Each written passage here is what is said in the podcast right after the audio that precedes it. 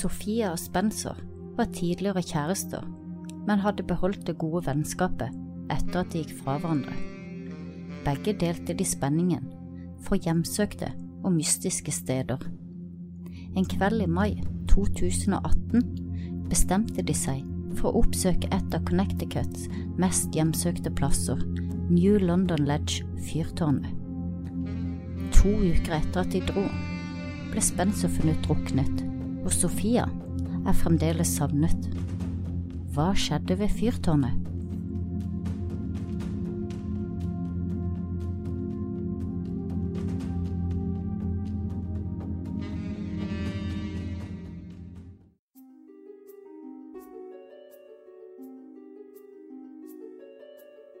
Sett deg godt til rette med noe godt i koppen, og bli med inn i mystikk og mysteriers verden.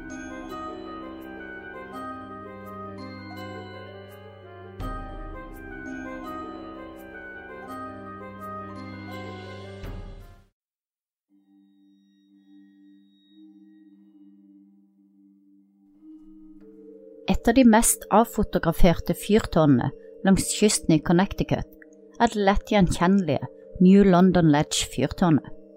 Fyrtårnet ble bygga i 1909 og skal ifølge myten være hjemmet til et av de mest kjente spøkelsene i området, som går under navnet Ernie. Fyrtårnet skiller seg først og fremst ut på utseendet. Lystårnet er bygga på toppen av en flott treetasjes bygning som ser ut som et lite palass, og selve bygningen er bygga oppå en firkanta betongkloss ute på havet. Fram til 1987 var fyrtårnet bemanna, men da den amerikanske kystgarden overtok i 1987, tok det ikke lang tid før fyrtårnet ble automatisert og behovet for en fyrvokter forsvant. Det viste seg å være velkomment, for nå trengte ikke noen lenger å være fysisk til stede på fyrtårnet. Det viste seg at over årene hadde mange av fyrvokterne rapportert om merkelige ting som foregikk mens de var på vakt. Dører som åpna og lukka seg, uforklarlig banking, sengetøy som fløy av sengene, kopper som blei flytta rundt, radio og TV som slo seg av og på. Tåkehornet slo seg plutselig på selv om det ikke var tåke, og båter som blei fortøyd, hadde en tendens til å bli ufortøyd av seg selv. Og av og til ble det rapportert at en høy skikkelse med skjegg, i frakk og med reinhatt hadde blitt observert. Ryktene sa at dette spøkelset var Ernie. Historien gikk ut på at i perioden 1920 til 1930 arbeidet en fyrvokter hvis navn var John Randolph. Han skal ha vært så opprørt over at hans kone gikk fra ham til fordel for en ferjekaptein, at han hoppa i døden fra taket av fyrtårnet. Selv om denne historien aldri har blitt bekreftet, så er ryktet at det er denne mannens sjel som går igjen ute ved fyrtårnet. Det er tidligere fyrvoktere og menn fra kystgarden som har rapportert inn de aller fleste unaturlige hendelsene. Så da er det vel ikke så rart at fyrtårnet har blitt en magnet for mange spøkelsesjegere fra rundt om i verden. To av disse var Sofia McKenna og Spencer Mugford. Sophia var 21 år gammel og vokste opp i nærheten av North Stontington, Connecticut, og hadde nettopp fullført massasjeutdannelsen og fått lisens til å drive selv. Spencer var 20 år, vokste opp i Florida og hadde vært elev ved universitetet i Connecticut. Han hadde nylig begynt å arbeide hos en lokal fiskebåt som frakta små grupper mennesker ut på havet for å fiske. Spencer, som vokste opp rett ved havet, var en sterk og solid svømmer. Sofia og Spencer møttes første gang da de arbeidet på The Red Door salong og spa, som lå på det mystiske Marriott-hotellet i Groton. På et tidspunkt ble de kjærester og data en kort stund, før Sofia gikk tilbake til ekskjæresten sin. På tross av dette forble Sofia og Spencer gode venner. Begge var interessert i spøkelseshistorier og hjemsøkte plasser. Lørdag kveld, 26. mai 2018, parkerte Sofie og bilen hennes utenfor universitetet i Connecticut. Der tok de en av universitetets seilbåter, en 14-tommer uten mast, og padla i vei ut på havet. De var på vei ut til New London Ledge fyrtårnet for å undersøke spøkelsesryktene. Det var fint vær den dagen, men fremdeles litt kjølig. Vanntemperaturen lå på rundt 15 grader, mens kveldstemperaturen ute i luften fort kunne droppe ned til 10 grader. Mens de holdt på å padle mot fyrtårnet, brukte Sofia Spencer sin telefon til å ta en video som hun posta på Spencer sin Snapchat-konto. En screenshot som er frigitt fra denne videoen, viser Spencer som sitter foran i en liten båt og padler. Sofia dreier deretter kameraet rundt, slik at man kan se lysene på kystlinjen bak dem. Noen minutter senere, rundt klokken to på natten, blir et nytt bilde posta på Spencer sin Snapchat, denne gangen et bilde av Sofia ved fyrtårnet. Hun poserer ved siden av et skilt som sier ingen adgang. Hun har tunga seirende ut av munnen, og øynene lyser av spenning. Søndag ettermiddag møtte ikke Spencer opp til et event han skulle delta på, og da familie og venner ikke kunne få tak på ham, kontakta de det lokale politiet. Samtidig hadde Sofias kjæreste prøvd å få tak i henne hele dagen, og begynte å bli veldig bekymra. Han tok kontakt med Sofias mamma Michelle og ga beskjed om sin bekymring. Michelle, som hadde latt sin yngste datter leke med telefonen den morgenen, hadde derfor ikke sett på telefonen sin før nå. Der oppdaga hun at hun hadde syv ubesvarte anrop fra et ukjent nummer. Anropene hadde kommet tett etter hverandre. Klokken fem over to, seks over to, syv over to, tre ganger åtte over to, og siste anrop kom inn ni over to på natta. Hun ringte umiddelbart til nummeret, og oppdaga at det var Spencer sin telefon og den gikk rett på personsvareren hans. Siden Spencer ikke kunne Michelle sitt nummer, er det antatt at det var Sofia som ringte til sin mor fra Spencer sin telefon. Michelle kontakta umiddelbart politiet og leverte inn en savnet melding. Rundt halv syv samme kvelden begynte ryktene å gå om Snapchat-videoen som var lagt ut på Spencer sin konto, og Kystvakten ble informert og sendt ut til fyrtårnet.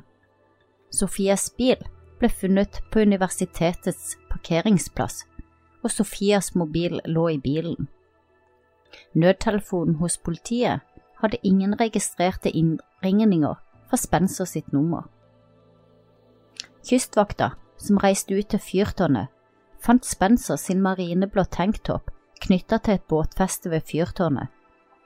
Det er mistanke om at Spencer brukte T-skjorten sin til å fortøye båten og derfor var den knyttet til båtfestet. Det ble igangsatt søk som foregikk hele natten og dagen etter Sofia Spencer. Mandag kveld, 48 timer etter at de la ut på tur, ble skroget av en 14-tommer seilbåt funnet skylt opp på land på en sandstrand. Det er antatt at dette er samme seilbåten som Sofia Spencer hadde tatt fra universitetet. Det var ingen fotavtrykk på stranden da båten ble funnet. Samme kvelden avslutta Kystvakten søket, og oppga at de ville oppta søket om det kom inn nye opplysninger eller funn i saken. Nesten to uker senere, på fredag 8. juni, oppdaga en mann som var på båttur, lik etter Spencer, flytende i vannet. Han ble funnet ca. fire kilometer fra kysten av der de starta turen sin. Spencer hadde drukna. Til den dag i dag har Sofia aldri blitt funnet. Selv om dette virker som en opplagt sak, hvor to unge mennesker drukner på havet, så er det likevel flere faktorer som gjør at man ikke kan være helt sikker på at det er det som har skjedd. Det er antatt at Spencer forsøkte å fortøye båten sin til fyrtårnet med T-skjorten sin. Det virker sannsynlig at båten kom seg løs i tidsrommet mellom to og fem over to. Klokka to ble Snapchat-videoen posta, og klokka fem over to begynte det å ringe på Michelle, Sofias mamma, sin telefon. Det virker logisk at Spencer, som var en sterk og dyktig svømmer, har stupt etter båten.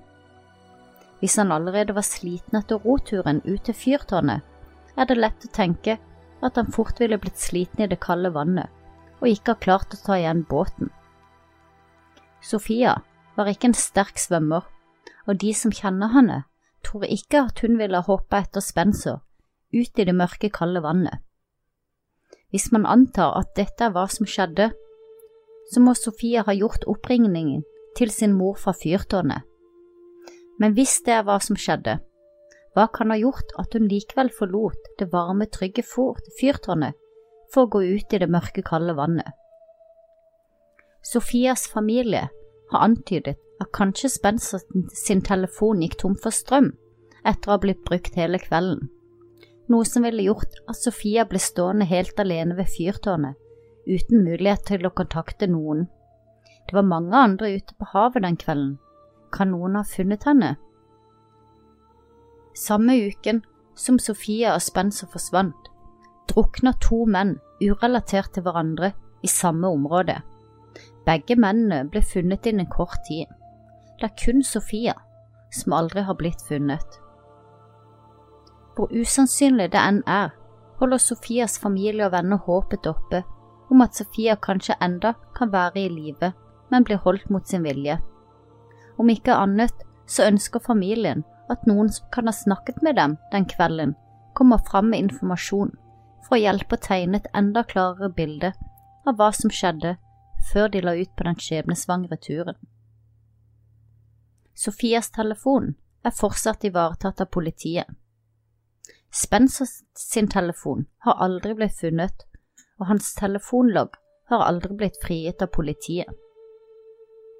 Sofias familie har en Facebook-side dedikert til å finne Sofia. Sofias mamma har uttalt at selv om sannsynligheten for at Sofie ender i live er veldig liten, men uten å vite dette helt sikkert, kan hun ikke unngå å lure på hva om. Hva tror du skjedde med Sofia Spencer?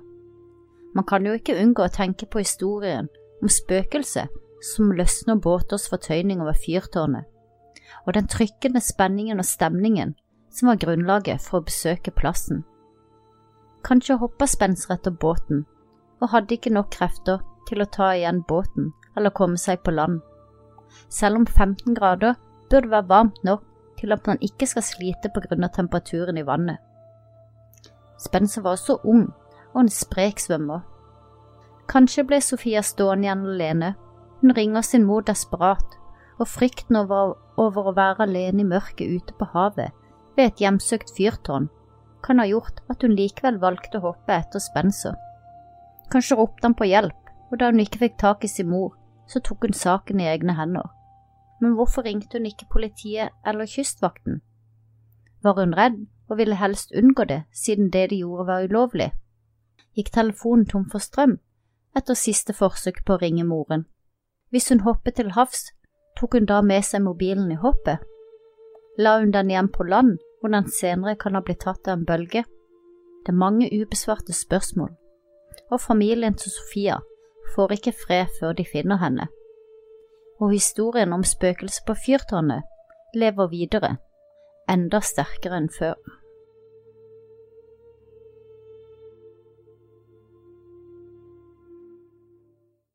Har du et enkeltpersonforetak eller en liten bedrift? Da er du sikkert lei av å høre meg snakke om hvor enkelt det er med kvitteringer og bilag i fiken, så vi eh, gir oss her, vi. Fordi vi liker enkelt. Fiken superenkelt regnskap.